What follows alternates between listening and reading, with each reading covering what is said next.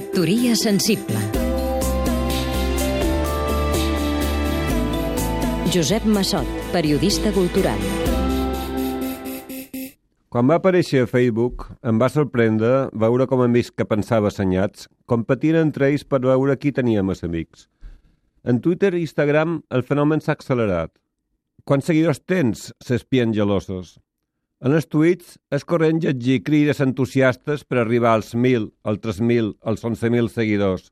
Vinga, ja falta poc per aconseguir-ho, s'animen uns a uns altres.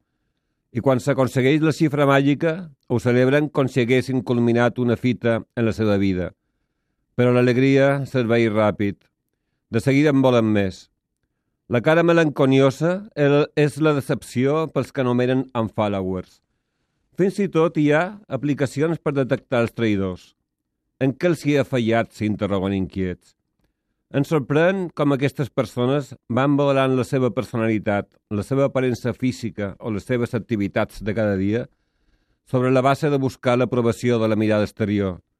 Tants seguidors, tants clics de m'agraden, recullo, tant és el meu valor.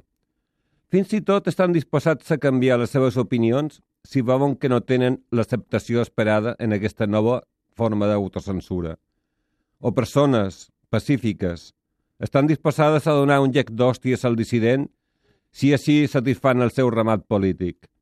Les xarxes socials són una explosió alliberadora, però em temo que molts cauen en el parany de convertir-se en una mercaderia, un algoritme per vendre's exhibits a operadors globals a canvi d'un judici elemental.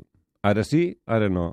M'agrada, no m'agrada. Et segueixo, ja no et segueixo. Em segueixen? Factoria sensible Seguim-nos també a catradio.cat